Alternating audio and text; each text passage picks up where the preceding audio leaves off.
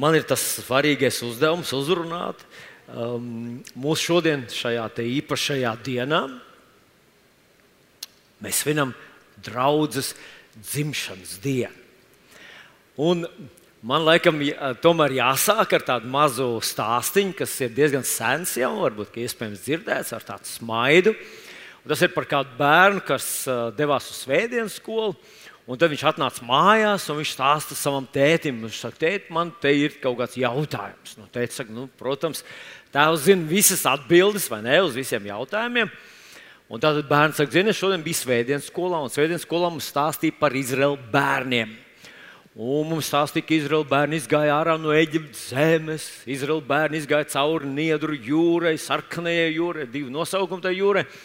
Un Izraēla bērni izgāja cauri tūkstnesim, un Izraēla bērni sakāva savus ienaidniekus. Un teica, nu, redz, cik daudz tu uzzināji. Un tas bērns saka, tēt, bet man ir viens jautājums. Kamēr Izraēla bērni darīja visas šīs daudzas lietas, ko darīja pieaugušie pa to laiku?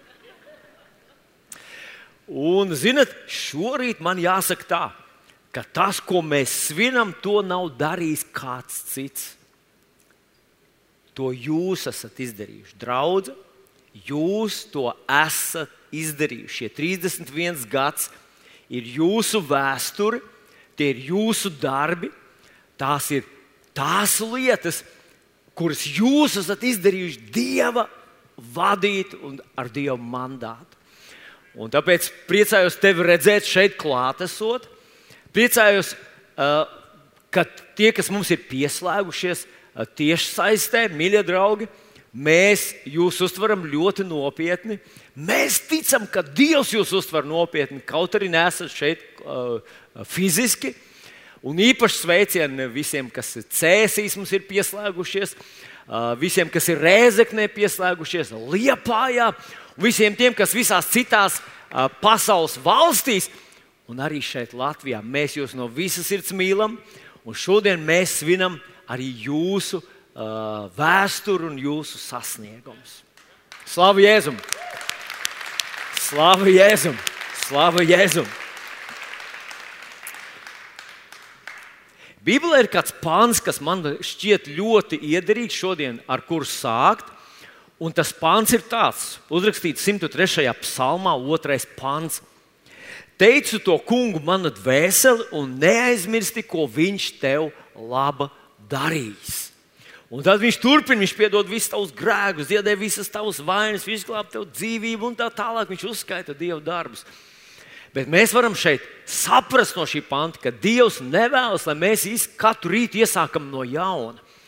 Viņš visu, ko Viņš mūsu dzīvē ir darījis, Viņš grib, lai mēs izdarām kaut kādus secinājumus. Mēs kaut ko uzzinām par Dievu un nākotnē rēķinamies ar to. Un šodien, mīļie draugi, es gribētu, ka mēs nu, apstātos un varbūt akcentētu svarīgāko no tā, ko Dievs ir darījis mūsu vidū šajos 31 gadā, kas mums ir šodien aiz muguras. Un, zinat, iespējams, ka uh, tad, kad ja jūs man būtu pajautājuši, kas ir tas lielākais brīnums, ko Dievs var izdarīt tavā kalpošanā, un jūs man to par, pajautātu uh, 30 gadus atpakaļ, 31 gadu atpakaļ, Kad es kļuvu mācītājs, man bija 29 gadi. Manam dzīvesdraugam Līgai bija 25. Mūsu komandā bija arī viens pieaugušs cilvēks, un tas bija Walters. Viņam uz to brīdi bija 5 gadi. Mēs viņu uztvērām kā pieaugušu cilvēku. Salīdzinājumā ar pārējo komandu, Kitijai bija 3, Dāvidam bija nepilni 5 mēneši. Tā mēs sākām. Un iespējams, ka, ja jūs man toreiz būtu pajautājuši, kas ir tas lielais Dieva darbs, ko Dievs var izdarīt, iespējams, ka es piekristu cilvēkam, kurš pieņemsim, ka ir kāds cilvēks, kurš regulāri visus šos 30 gadus staigā garām šai adresei. Un tad viņš redz, ka te parādās žoks, tad viņš redz, ka te parādās kaut kāda darbība, kaut kāds uzraksts kaut kur. Tie, kas atceraties, bija tāds žoks, dēļ žoks, un uz tā žoka bija uzrakstīts, ka tas ir kristiešu draugs prieka veids īpašums, šie pamati. Un viņš tātad redz visu šo dinamiku, kā lēnām tas viss pārvēršas, pārvēršas, paplašinās, modernizējas. Un, ja mēs šodien satiktu šo cilvēku un pajautātu, kas tad ir tas lielais dieva darbs, ko Dievs ir izdarījis šajā draudzē, šajā vietā, viņš droši vien teikt, ka tā ir tā ēka un tas īpašums. Un zinat ko? Ap, um, uzdrošināties pateikt, ka tas nav brīnums.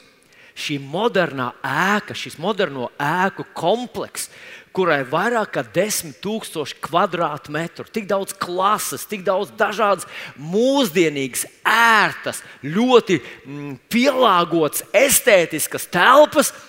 Pateikt, ka tas nav brīnums, bez tam vēl ir vismaz pieci zemes gabali. Kuri katri, katrs atnāca kā brīnums, kas ir mūsu īpašumā.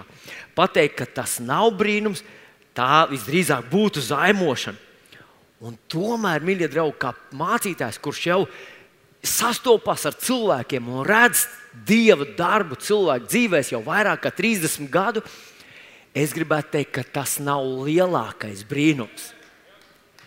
Ka šis brīnums, kas bez šaubām ir brīnums, ka tas ir tikai pavadošs zīme kādam lielākam brīnumam, ko Dievs darīja Un tas brīnums sākās ilgi pirms es kļuvu par mācītāju. 1985. gadā Kristie, uh, piedodiet, tā bija uh, Baptistu drauga, Rīgas Golgāts Baptistu draugs, tajā bija mācītājs Arnis Sīls. Tad viņš savā atmiņās par tiem laikiem rakstīja tā. Neatkarīgi no draudzes vadības, Dievs bija uzsācis cilvēku sirdīs kādu neparastu darbu. Viņš bija izlējis slāpes, slāpes pēc dieva. Un tad viņš tālāk raksta, un es tam neliku šķēršļus.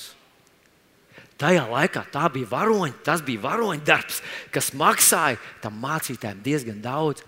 Bet es konkrēti sastapos ar šiem cilvēkiem, kurus sirdīs Dievs bija izlējis slāpes. Viens no tiem bija simpātiski jauniņa, 13-gadīgs vecs meitenīte mūsu draudzē, kas pēc divkalpojuma uzrunāja pārējos jauniešus, teica, iesim pielūgt Dievu. Pēc kura mēģinājuma iesim pielūgt Dievu. Pēc kaut kādām sanākšanām viņi vienmēr teica, iesim pielūgt Dievu. Man toreiz bija 17 gadi. Es biju 17 gadu tāds jauneklis, kurš aktīvi staigāja uz sporta zāli un domāja no sevis ļoti daudz. Man Brīžiem bija tāds sajūta, ka mans krūts kā tāds burbuļs piepūstas. Oh, es jūtos, nu, viss hormons spēlēja uz to laiku, un kad tā meitene pienāca un teica, tur kādiem citiem iesim pielūgt Dievu. Man viņa likās ļoti simpātiski, un es teicu, iesim pielūgt Dievu. Tajā laikā Dieva lūgšana neasociējās ne ar ko īpašu, ne ar ko patīkamu, ne ar ko, ar ko nodarbojas jaunieši. Likās, ka tas ir kaut kas nūģīgs un garlaicīgs, ka tam nav īsti jēgas. Bet Līga turpināja uzrunāt, iesim pielūgt Dievu.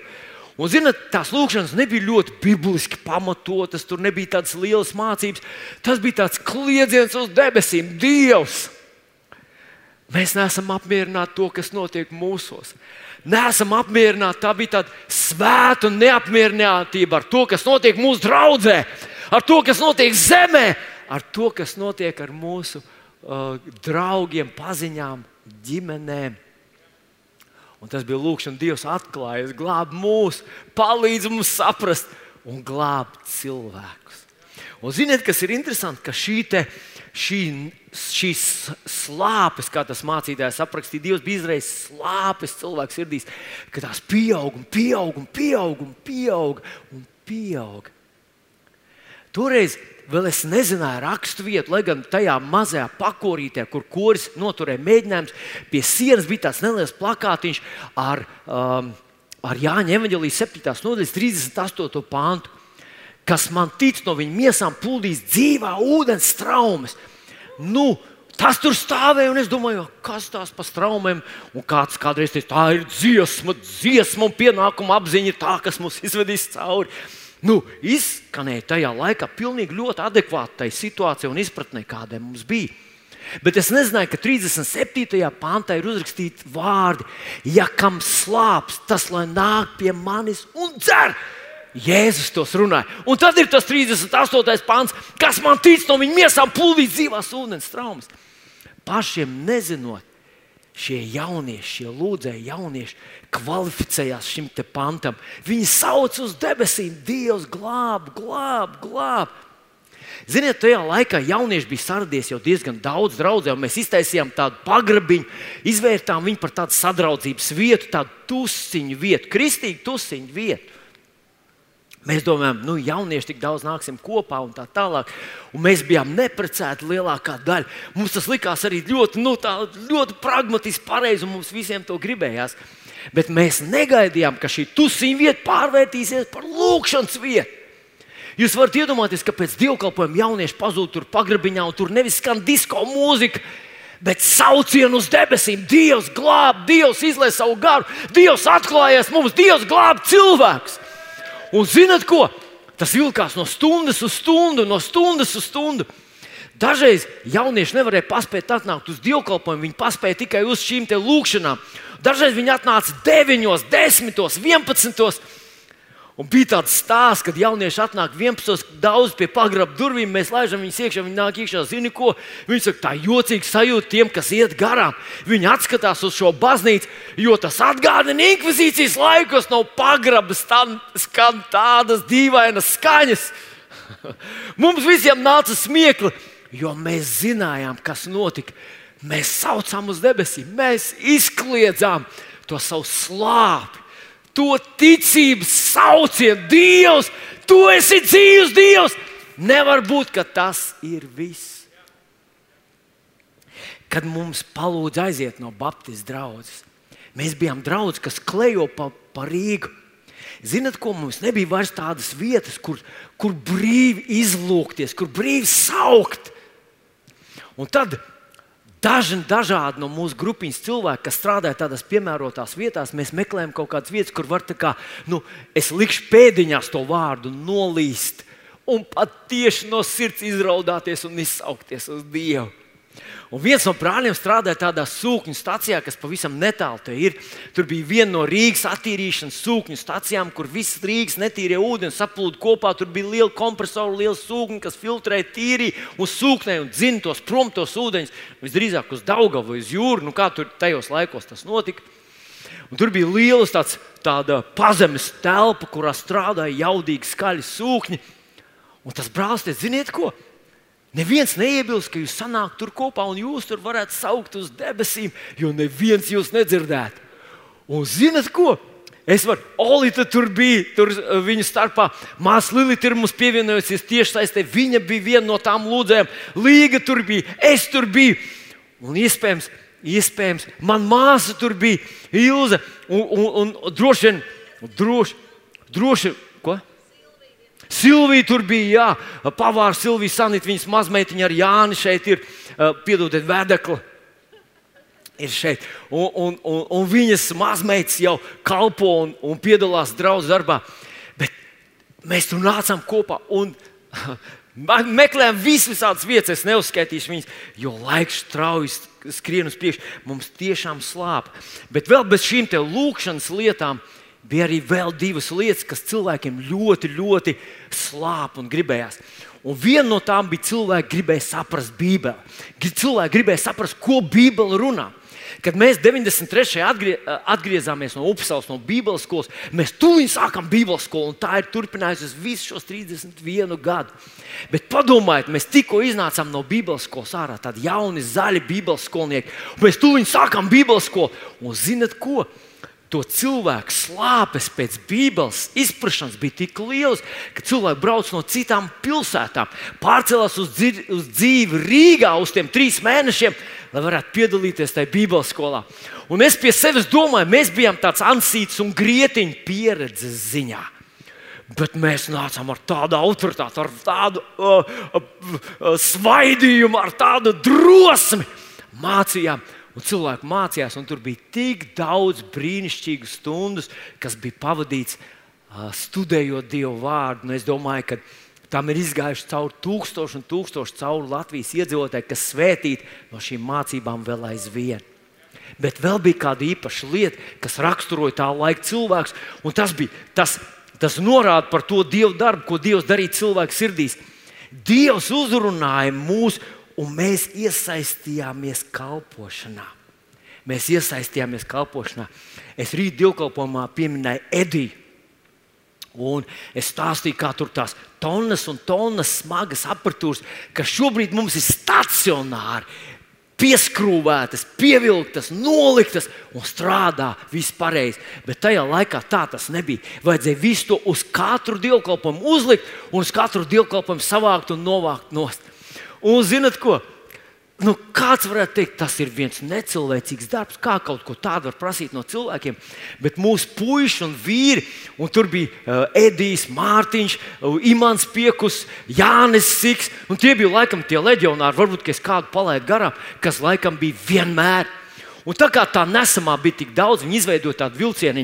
Tur priekšā turēja viena tumba, aiz muguras otra tumba, tur priekšā bija vēl viens tāds, un tas, kurš bija pats pirmais, viņš nesa pastiprinātājs, vienā padusē aiz muguras bija tumbas, un tāds vilcienīšs viņš smiedamies. Viņi brauca cauri VF kultūras pilī uz otro stāvu, uz trešo stāvu, uz, uz, uz trešo stāvu. Jā, mums trešajā stāvā bija Bībeles skolas. Un zinot ko? Tas bija trīs, četras reizes nedēļā. Un puiši to izdarīja vienkārši vienkārši ar sajūsmu. Wow! Tas bija ielicis, Dievs to bija ielicis cilvēku sirdīs. Es varētu redzēt, kur Jansona ģimenes stāv. Šeit tikko bija, uh, iespējams, es, es ceru, ka es nesajaucu. Tava meitiņa bija šeit augšā, Pauliņa. Un zinat ko? Inga sāka kalpot, un, un Andris, Andris šodien ir uz, cienījams uzņēmējs, bet viņš ir darījis visu, ko vien vajadzēja. Viņš ir dejojis, deklamējis, viņš ir, viņš ir dziedājis, viņš ir karogus vicinājis. Un Inga vispār visus šos, visus šos gadus. Viņa kā profesionāls pedagogs, viņa strādājas ar bērniem. Es varētu pieminēt Maiju Brusbārdu, kas kā jauna matemātikas skolotāja uzsāk darīt dieva darbu ar bērniem. Un zinat ko? Tas paplašinās, paplašinās, paplašinās. Es varētu piesaukt Kristīnu un Jānu.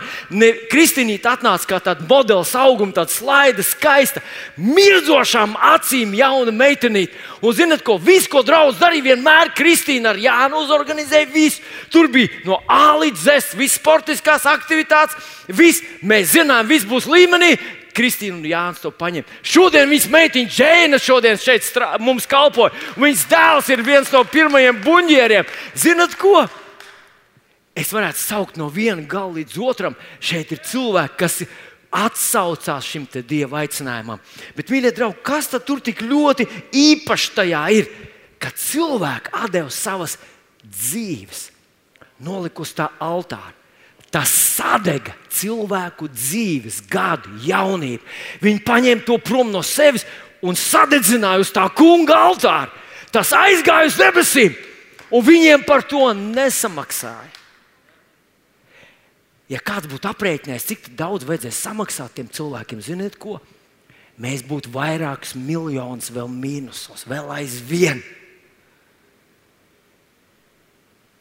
Bet es esmu pārliecināts, viņiem tiks samaksāts. Ebreju vēstulītē, 6. nodaļā, 10. pantā uzrakstīts tādu vārdu, jo Dievs nav netaisnīgs, ka aizmirstu jūsu darbu un mīlestību, ko esat parādījuši viņa vārdā, ar to, ka esat kalpojuši svētajiem un vēl kalpojat. Kas tajā ir tik ļoti īpašs, ka Dievs uzrunā, ka cilvēks un cilvēks at, atsaucās? Ziniet, kas?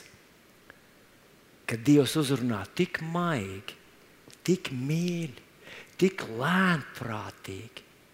Ja viņš izgrieztu roku, ja viņš piedraudētu, ja viņš sistu zibeņus un pērkoņus un teiktu, mirsi vai kalpo, tad nebūtu brīnums, ka cilvēki kalpo.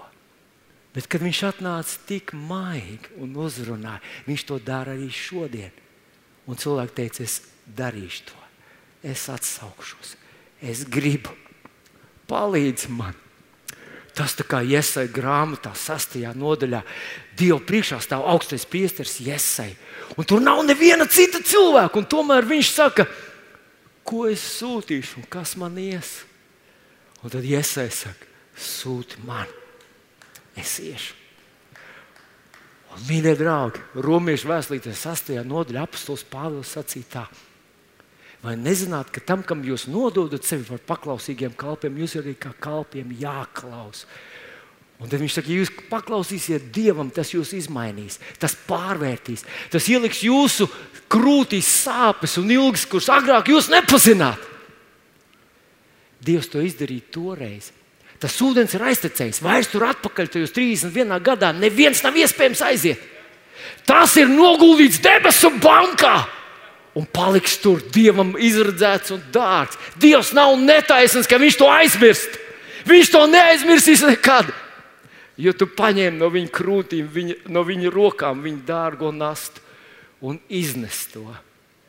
Un šodien Dievs uzrunā tieši tikpat maigi, lēnprātīgi un mīļi. Un mums ir iespēja viņam atsaukties. Jā, šodien mēs stāvam šeit, pie jaunām durvīm, kam ir jāatveras. Un runājot par to pagātni, paldies Dievam, ka tas nesākās tikai ar mani vai mums. Tas svaidījums bija plūts cauri no pašiem pirmiem atmodas laikiem.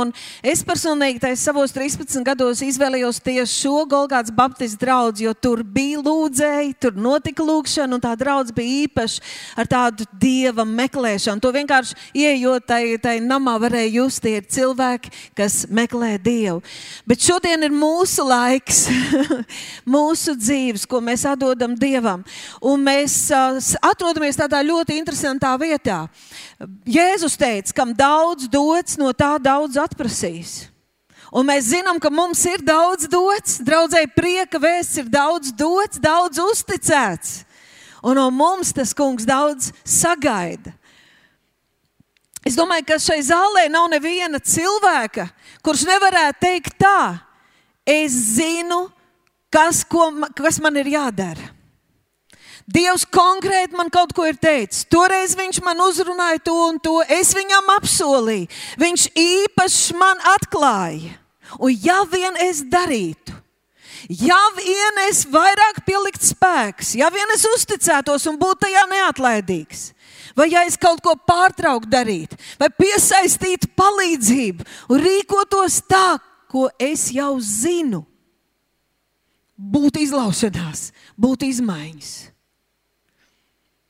Mēs esam tādā interesantā vietā, ka mēs ļoti daudz zinām. Zinām, ko. Bet liekas, tā kā īsti. Pat negribas uzzināt, kā, ar ko, kad. Jo šie daudz iespējas, daudz iespēju pēdējais brīdis varbūt jau bija vakar. Un mēs arī zinām, ka Dieva atbild uz mūsu lūgšanu un prasību, Dieva aicinājums, mēs nojaušam un zinām, ka tas iesaista, iesaistīs mūs pašus, ka tā atbilde tai lūgšanai lielā mērā būsim mēs paši. Šo stāvokli tā burtiski, gandrīz fiziski es izjūtu piekdienas lūgšanās, tā, redzot tādu redzējumu, kad es un tu, mēs kā draugi, tīri fiziski stāvējām kā jūras krastā. Un tur tālumā, līdzīgi kā Mozus, tad, kad viņam bija jāizved Izraēla tauta no Izraēlas Eģiptes verdzības apsolītajā zemē, aiz viņa tur tālumā. Un arī mums šodien ir ienaidnieka armija. Mēs dzirdam viņa elpu, dvašu un ieroču šķindoņu. Un izvēle nav liela. Vai nu mirt, padoties un mirt, vai atkāpties un pēc kāda mirkļa iet bojā, vai kaut ko darīt, vai pacelt to zīzli. Sākt lietot to vārdu, tos apsolījumus, ko viņš ir devis Kristu Jēzu. Iet pret straumi, būt iekšā tajā varonajā kuģī, ko mēs šeit redzam, šo purnu, kurš dodas, dodas pretī izaicinājumiem, dodas pretī nogurumam, pretī ierastajam, pretī negribēšanai, pretī nepaklausībai. Un ja es stāvētu tajā vietā viena vai tu viens, tad mēs vēl varētu tā kā, tā kā atrast kaut kādu risinājumu, kaut īslaicīgi, kaut kur paslēpties, kaut kā tikt ar to situāciju galā. Bet mēs apzināmies, ka aiz mums ir cilvēki. Aiz mums ir tauta, tautas, daudz cilvēku, kuriem ir jāpalīdz, kuriem vajag, lai mēs palīdzam ieiet apsolītajā zemē. Tāpēc mēs stāvam tādā ļoti sarežģītā vietā, kā lūzuma punktā. Un no vienas puses tas biedē, tas kaitina, bet no otras puses tas ir tik atbrīvojoši, ka nav izvēles. Tāpēc, ka mēs zinām, ka mums ir, ka mēs varam un ka mēs arī gribam. Halleluja! Kaut ko darīt, mainīt, atsaukties, vērt vaļā tās jaunās durvis, tas ir līdzīgi kā stāvēt kraujas malā. Tu gribi lekt, Tu esi simtām reižu mācījies, kā pareizi peldēt, skatījies, kā citi to dara. Tu gribi lekt no tramplīna. Tu desmitām reižu esi no tā izvairījies. Un vienmēr atradis iemeslus un attaisnojums, kāpēc ne es, kāpēc ne tagad, kāpēc ne tā.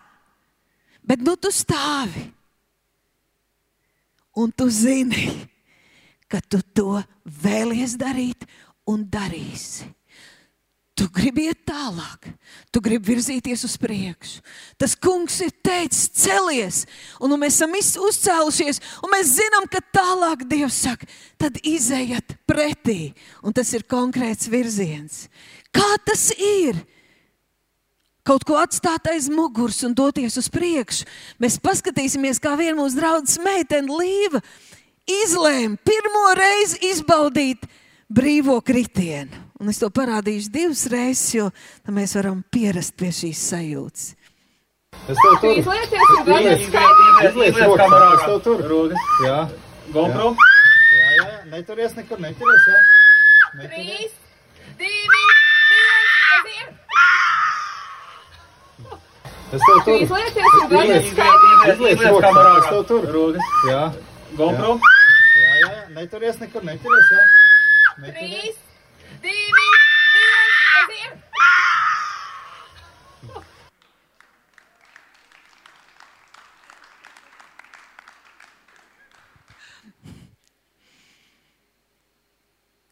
Kad tu pirmo reizi lūdz par kādu, ka tu pirmo reizi vadi lūkšanā kādu, kurš pieņem jēzu par savu kungu. Kad tu pirmo reizi uzliec rokas slimajam vai stāv pretī vēlnam savā ģimenē. Kad tu pirmo reizi nolēmi saņemt savu dziedināšanu, tāpēc ka Jēzus, tu zini, ka apsolījumi darbojas. Tu zini, ka viss ir piepildīts. Tu zini, ka pats Dievs ir nomodā par savu vārdu, lai tas piepildītos.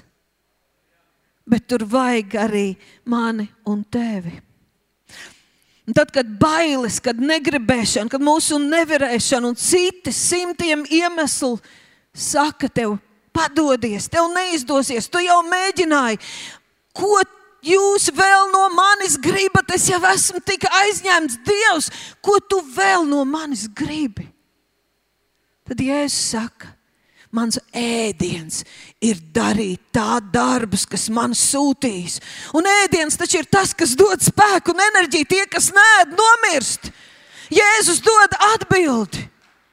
Sāc darīt dievu darbus, sāc dzīvot, sāc izbaudīt šo fantastisko adrenalīnu, ka tu dzīvo ticībā, ka tu dzīvo paklausībā.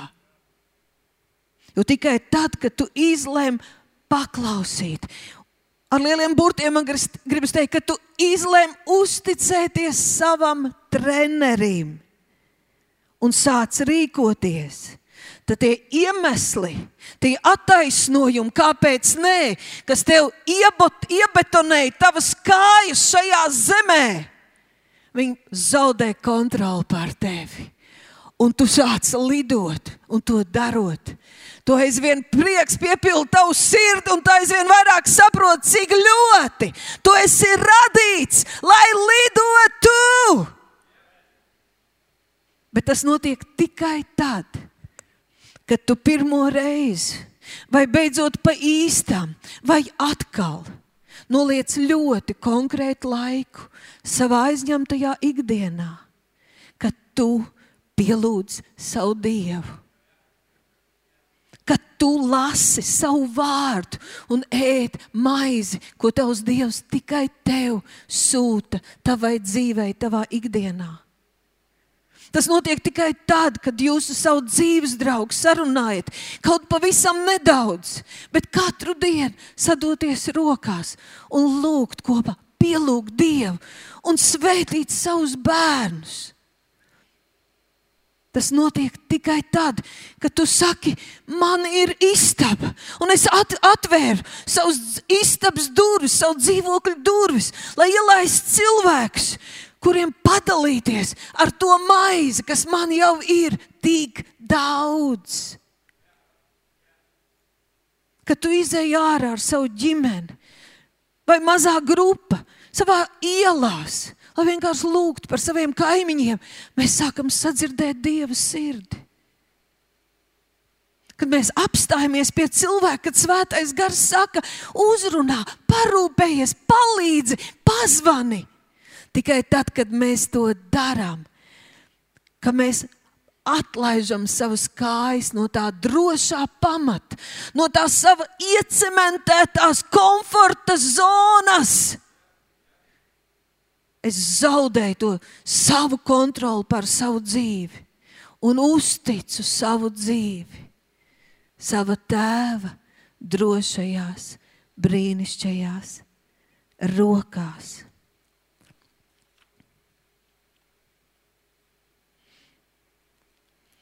Kad kamēr tu stāvēsi jūras malā un skatīsies uz to jūru, uz tiem viļņiem, tā jūra stāvēs tev pretī, cieta kā klints. Tāpēc tas kungs saka, pacel savu zīzli, rīkojies! Lieto to varu, kas tev ir dota, virzies uz priekšu. Šis ir laiks celties. Mēs stāvam starp jūru un ienaidnieku nometni, un izvēle nav liela.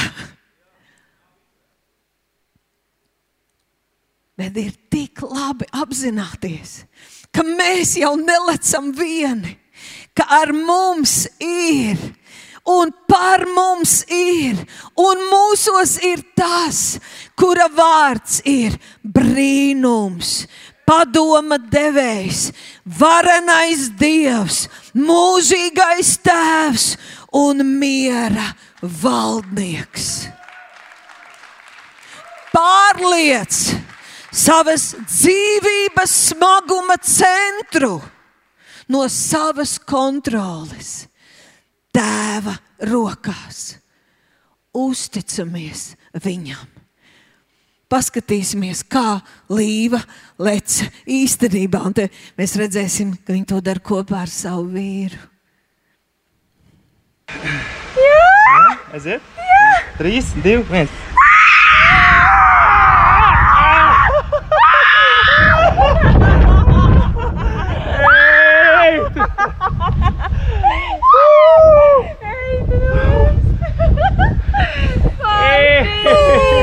Cik labi! Kāda brīvība! Mēs kaut ko atstājām aiz muguras. Mums visiem ir kāda pagātne, laba, bet lien līdzi jau tā sliktā, kāda smagumi, kādas nepiedošanas sev vai citiem, kādas vilšanās. Kaut kas grib vilkties līdzi, grib pa, atstāt mani pagātnē, bet ar vakardienas pieredzi es nevaru iegūt nākotni. Man tas ir jāatstāj. Es esmu jauns radījums, kas bijis, ir pagājis. Redz, ir viss ir tapis jauns. Jaunu vīnu lej, jaunos traukos. Halleluja! Halleluja! Ja esi uzcēlies, ja mēs esam uzcēlušies, izējam tam kungam pretī. Halleluja! Halleluja! Es zinu, ka es runāju uz draugu, kas ir piepildīta ar ticības varoņiem. Un, ja pat tu nesen esi ienācis šajā draudzē, tu esi iedzimis dieva ģimenē un arī savā ziņā šajā draudzē iesakņojies, tad, ja pat tu esi pavisam nesen pie dieva, tomēr tevī ir šis, šī pati sakne, šī pati dzīvība, šis pats pionieriskais svaidījums būt par gaismu izmainīt sabiedrību, mainīt un ietekmēt notikumus. Un man jāsaka, draudzē, prieka vēst šodien, ka tas, tā pati loma, kas mums ir bijusi jau 30 gadus, vēl aizvien un jaunā spēkā, tā attiecas uz mums. Mums ir jābūt pionieriem šeit, Latvijā. Mums tas ir nepieciešams pašiem, bet mums arī nepieciešams parādīt arī citām draudzēm, iedvesmot citas draugus un kristiešus, ka atmoda ir iespējama un mēs tam ticam, un mēs esam nodevušies to redzēt. Ārkārtīgi komfortabli ir atrast kādu ērtu divānu un tajā palikt sēdēt. Pat tad, ja tu jūti, ka Dievs tevi aicina, vai kādu no taviem līdzcilvēkiem tevi aicina rīkoties ticībā, darīt kaut ko citādāk, uzsākt kaut ko jaunu, darīt kaut ko, ko jau kādu laiku tu neesi praktizējis, ir taču tik viegli palikt sēdēt divānā. Es runāju arī uz cēsīm, uz liepāju, uz rēzekni, uz visiem, kas jūs skatāties mūsu Latvijā un arī ārpus šīm robežām. Es runāju uz jums zālē. Kristieši bieži izmanto šo teicienu, kas izklausās ļoti garīgi. Sakot, es neko netaisos darīt, kamēr Dievs man pašam to nepateiks. Kādreiz saka, es neiešu, ja Dievs neies. O, cik mēs garīgi izklausāmies, bet no otras puses, vai nevarētu būt tā, ka Dievs saka, hei, es jau daru, nāc un pievienojies tam. Es jau strādāju, es jau darbojos. Nepaliec dīvānā, nāc un pieliec savu roku pie darba, ko es jau daru. Varat iedomāties par kādu jaunu cilvēku, kurš dodas ar saviem draugiem uz kādu brīnišķīgu vietu, varbūt Pāvilos, tā Ventspēlī, lai redzētu, kā notiek sērfošana, varbūt arī pats pamēģināt. Un šie viņa draugi iet un metas ūdenī un noķer vilni un izbauda laiku un daudz ko iemācās, bet viņš paliek sēdam. Jo, protams, tas nebūs viegli. Sākumā ir jāpieliekās, varbūt kaut ko tu dari pirmo reizi, kaut ko citādāk un atšķirīgi. Tu nekad neko tādu neesi darījis. Bet tu vari iemācīties to darīt un sajust, un noķert šo vilni, sajust šo dzīvību tikai tad, ja tu esi gatavs atlaist tās rokas, atlaist to veco. Pozitīva vai arī negatīva pieredze pagātnē, mazliet to visu palikt manā, malā un teikt, Dievs, sūti mani. Sūti mani, es esmu gatavs darīt visu, ko tu man teiksi, jo tevis esmu devis savu dzīvi ne tikai, lai reizes nedēļā atnāktu uz dievkalpojumu vai pieslēgtos dievkalpojumam tiešraidē, bet gan lai atdotu visu savu dzīvi, viss, kas man ir, ko es spēju, es to atdotu tavas valstības labā, lai tava valstība izplastos šeit virs zemes. Apstākļu darbu otrajā nodaļā, 17. pantā, tur apstuļi citē vecās derības pravieti Joēlu, kur viņš bija teicis jau daudz tūkstošus gadus iepriekš par laiku, kurā mēs, draugi, dzīvojam. Iebaks kādam savu blakus sēdošiem, sakim, mēs jau tajā dzīvojam. Ierakstiet jūs komentāros, kas esat tiešraidē, tagad skatāties, ierakstiet, es jau tajā dzīvoju. Un viņi, viņi teica, tas notiks pēdējās dienās, saka Dievs teiksim, kopā. Es izliešu no sava gara pār visu miesu, un jūsu dēli un jūsu meitas pravietos, un jūsu jaunekļi redzēs parādības, un jūsu sirmgalvi sapņos sapņus. Mēs tajā dzīvojam. Dievs izlaiž savu svēto garu jau 2000 gadus atpakaļ, un Viņš nav viņu paņēmis atpakaļ debesīs.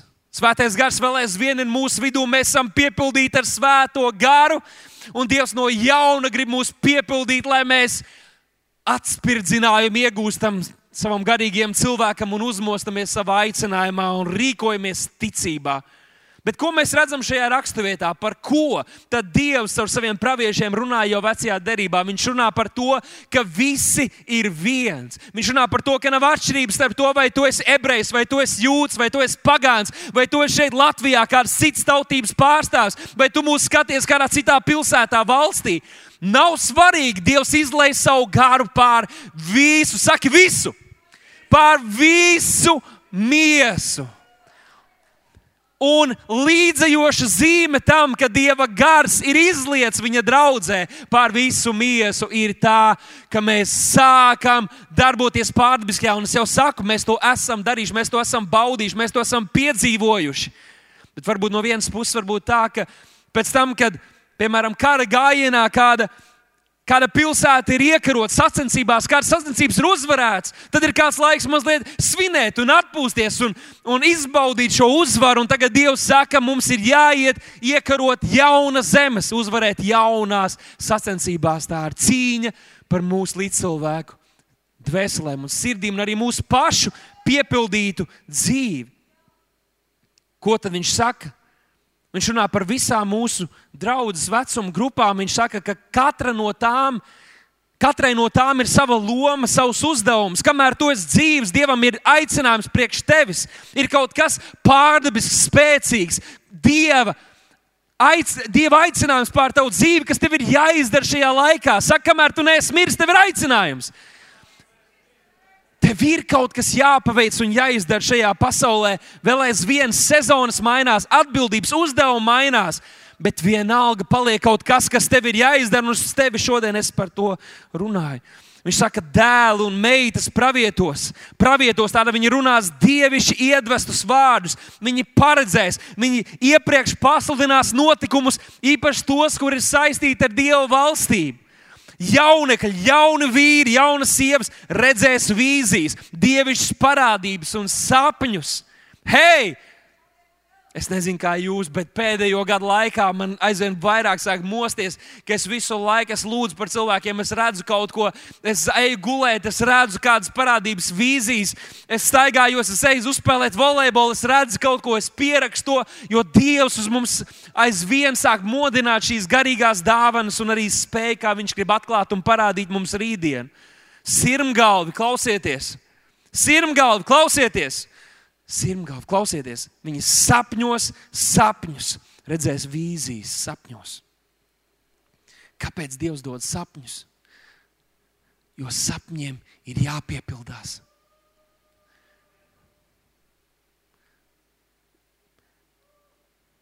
Ziniet, ir mūsu sabiedrībā cilvēki, kuri sapņo lielas lietas, varbūt stāsta citiem, ka viņi būs baigi lielie cilvēki bet nav gatavi neko darīt lietas labā. Draudzēji tā tam nevajadzētu būt.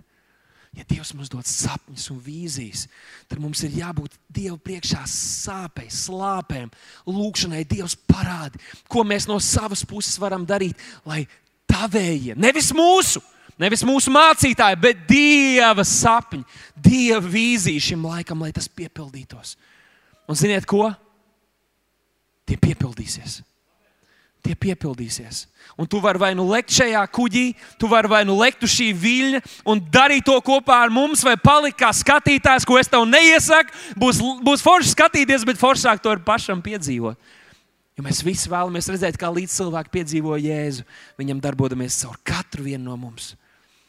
Kad Mozus gatavo Izraēlu tautu, lai tie iemantotu apsolīto zemi, viņš izsūtīja 12 pārstāvjus, kas bija tādi pieredzējušākie līderi tā laika sabiedrībā no katras, katras cilts, un desmit no tiem atnāca un pavēstīja bailes.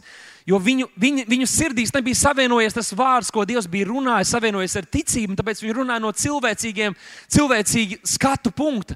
Ah, viņi ir lieli, tur ir liels sienas, mēs to nevarēsim. Un arī mēs varbūt tagad skatāmies tām lietām, ko Dievs ir paredzējis šim laikam, jums liepājā, cēsīs. Mums šķiet, tas pat cilvēcīgi nav iespējams. Un tikai divi no tiem atnāca un pavēstīja ticības vēstuli. Bet vēlāk, kad Jozovā gribēja ievest Izraēlu tautu apsolītajā zemē, viņš aizsūtīja tikai divus. Un interesanti, vismaz man tas uzrunāja, ka divus, un, un abi tie puiši bija jaunekļi. Tie bija jauni vīri, jaunas sievas, kur acīm redzot, bija kādi, kas bija runājuši par Dieva sapņiem un Dieva vārdu, un šie vīri aizgāja, lai izlūkotu zemi, lai saprastu, kā mēs varam izdarīt to, par ko Dievs ir runājis jau gadu simtiem ilgi. Un šodien es gribu, lai mēs kopīgi sapņojam, lai mēs kopīgi ļaujamies šai vīzijai, lai mēs kopīgi uzdrīkstamies. Lūk, Dievam, Dievs atver mūsu sirds, mūsu saprātu, mūsu acis, lai mēs spējam sapņot no jauna. Varbūt mums ir negatīva pieredze, mēs esam bijuši sāpināti, mēs kaut kur esam vīlušies, kaut kas nav sanācis. Un mēs esam pārstājuši sapņot, un Dievs saka, es gribu no jauna lai šī svētā gara zīme, ne tikai līdzējoša zīme ir lūkšana mēlēs, bet arī sapņošana, vīzijas, pārdabiskais, kurā mēs darbojamies. Un mēs ar mācītājiem esam jau ļoti ilgu laiku, un arī komandā ar līderiem. Vēl vakar mēs tikāmies, mēs esam runājuši un sapņojuši par to, ko Dievs grib darīt un vadīt mūs kādā virzienā. Un visu to, par ko mēs esam runājuši, mēs varētu savilkt kopā vienā ļoti vienkāršā, bet spēcīgā vārdā. Jūs droši vien domāsiet, ka tas vārds ir Jēzus bet tas vārds ir atmoda. Pasaka, atmoda. Ierakst komentārā, atmoda. Es ticu atmodai, es ticu atmodai. Atmoda, pasaka, atmoda. Pasaka, atmoda, tā kā tu ticētam, atmoda. Atmoda, atmoda, atmoda. Pieradīsim pie šī vārda, atmoda, atmoda, atmoda. Garīga atmošanās, tas ir vajadzīgs mūsu sabiedrībai, tas ir vajadzīgs mūsu draudzē, tas ir vajadzīgs mums katram personīgi, tas ir vajadzīgs Eiropai, tas ir vajadzīgs pasaulē. Mums ir vajadzīga atmoda. Tā vairs nav kaprīze, tas vairs nav kaut kas, ko mēs gaidām. Dievs, kad beidzot kaut kas būs, mēs sakām, Dievs ir ielicis mūsu sirdīs sāpes un vēlmi to redzēt un piedzīvot. Un mēs esam gatavi darboties, mēs esam gatavi upurēt savas dzīves, nolikt tās uz Dieva altāra, lai redzētu, ko Viņš ir spējīgs darīt ar tādiem mirstīgiem, nepilnīgiem cilvēkiem, kāda esam mēs. Un viņš var darīt lielas lietas. Viņš var darīt lielas lietas. Viņš darīs. Viņš darīs. Viņš darīs. Kas ir atmoda? Mēs varam runāt par dievišķo atbildību un daļu. Jā, kādreiz tas ir globāla sakustēšanās, kas notiek lielā cilvēka pūlī, bet tas sākas no mums pašiem. Atmoda, globāla, vislatvijas atmoda sākas ar šeit, ar mums, ar draugu prieka vēstures. Es nerunāju citās draudzēs, lai Dievs dod, lai viņi ceļās, lai viņi iet pa priekšu, ja viņi spēj. Bet es šodien runāju par prieka vēsti. Uz jums, kas esat prieka vēsts, šodien es saku, tas sākas ar mums. Atmoda sākas ar mums. Atmoda, pavisam vienkārši sakot, ir jauns sākums paklausībā tam kungam, kad mēs sakām, Dievs, es izvēlos paklausīt tev. Dzirdēt tavu balsi un paklausīt tev, dzirdēt tavu balsi un paklausīt tev. Un viena kā vīzija, ko es redzēju par draugu, bija par ka mēs esam uz tāda kā ceļa. Jūs esat paši ceļojuši un braukuši uz kādu lielu vai mazāku pilsētu, tu esi autostāvvietā nevis autostāvvietā, bet uz autoceļa, kurš varbūt nav apgaismots, un tu brauc un brauc, un tu tuvojies, tu tuvojies pilsētai, un tu redz vienu spilgtu gaismu. Wow, tā ir draudzene, kas ir pa liecību visai pasaulē un Latvijai. Draudzene, kas ir viens vesels kopums, un kas saņem godu? Jēzus. Tikai viņš saņem godu, tikai viņš ceļ savu draugu, un viss, ko mēs spējam, tikai viņš to dara caur mums. Mēs paši neko nespējam. Bet tā ir Dieva žēlastība, kas darbojas caur mums.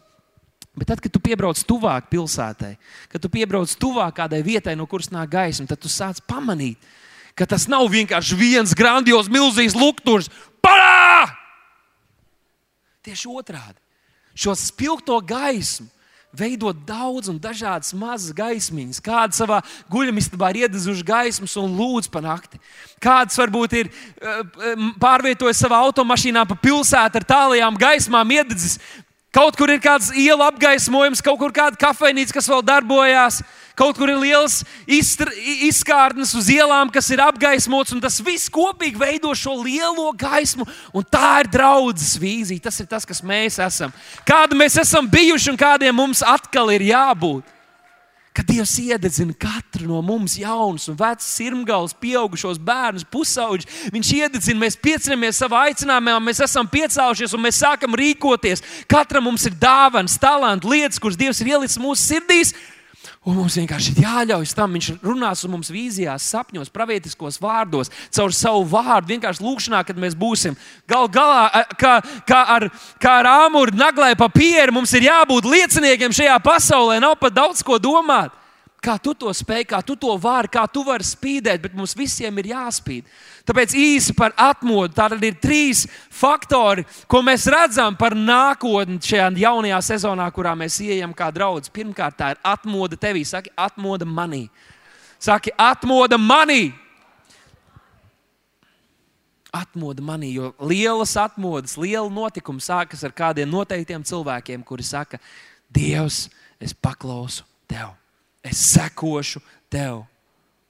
Nu, ko nozīmē piedzīvot personīgu atmodu? Ko nozīmē atmosties attiecībās ar Dievu un savā aicinājumā?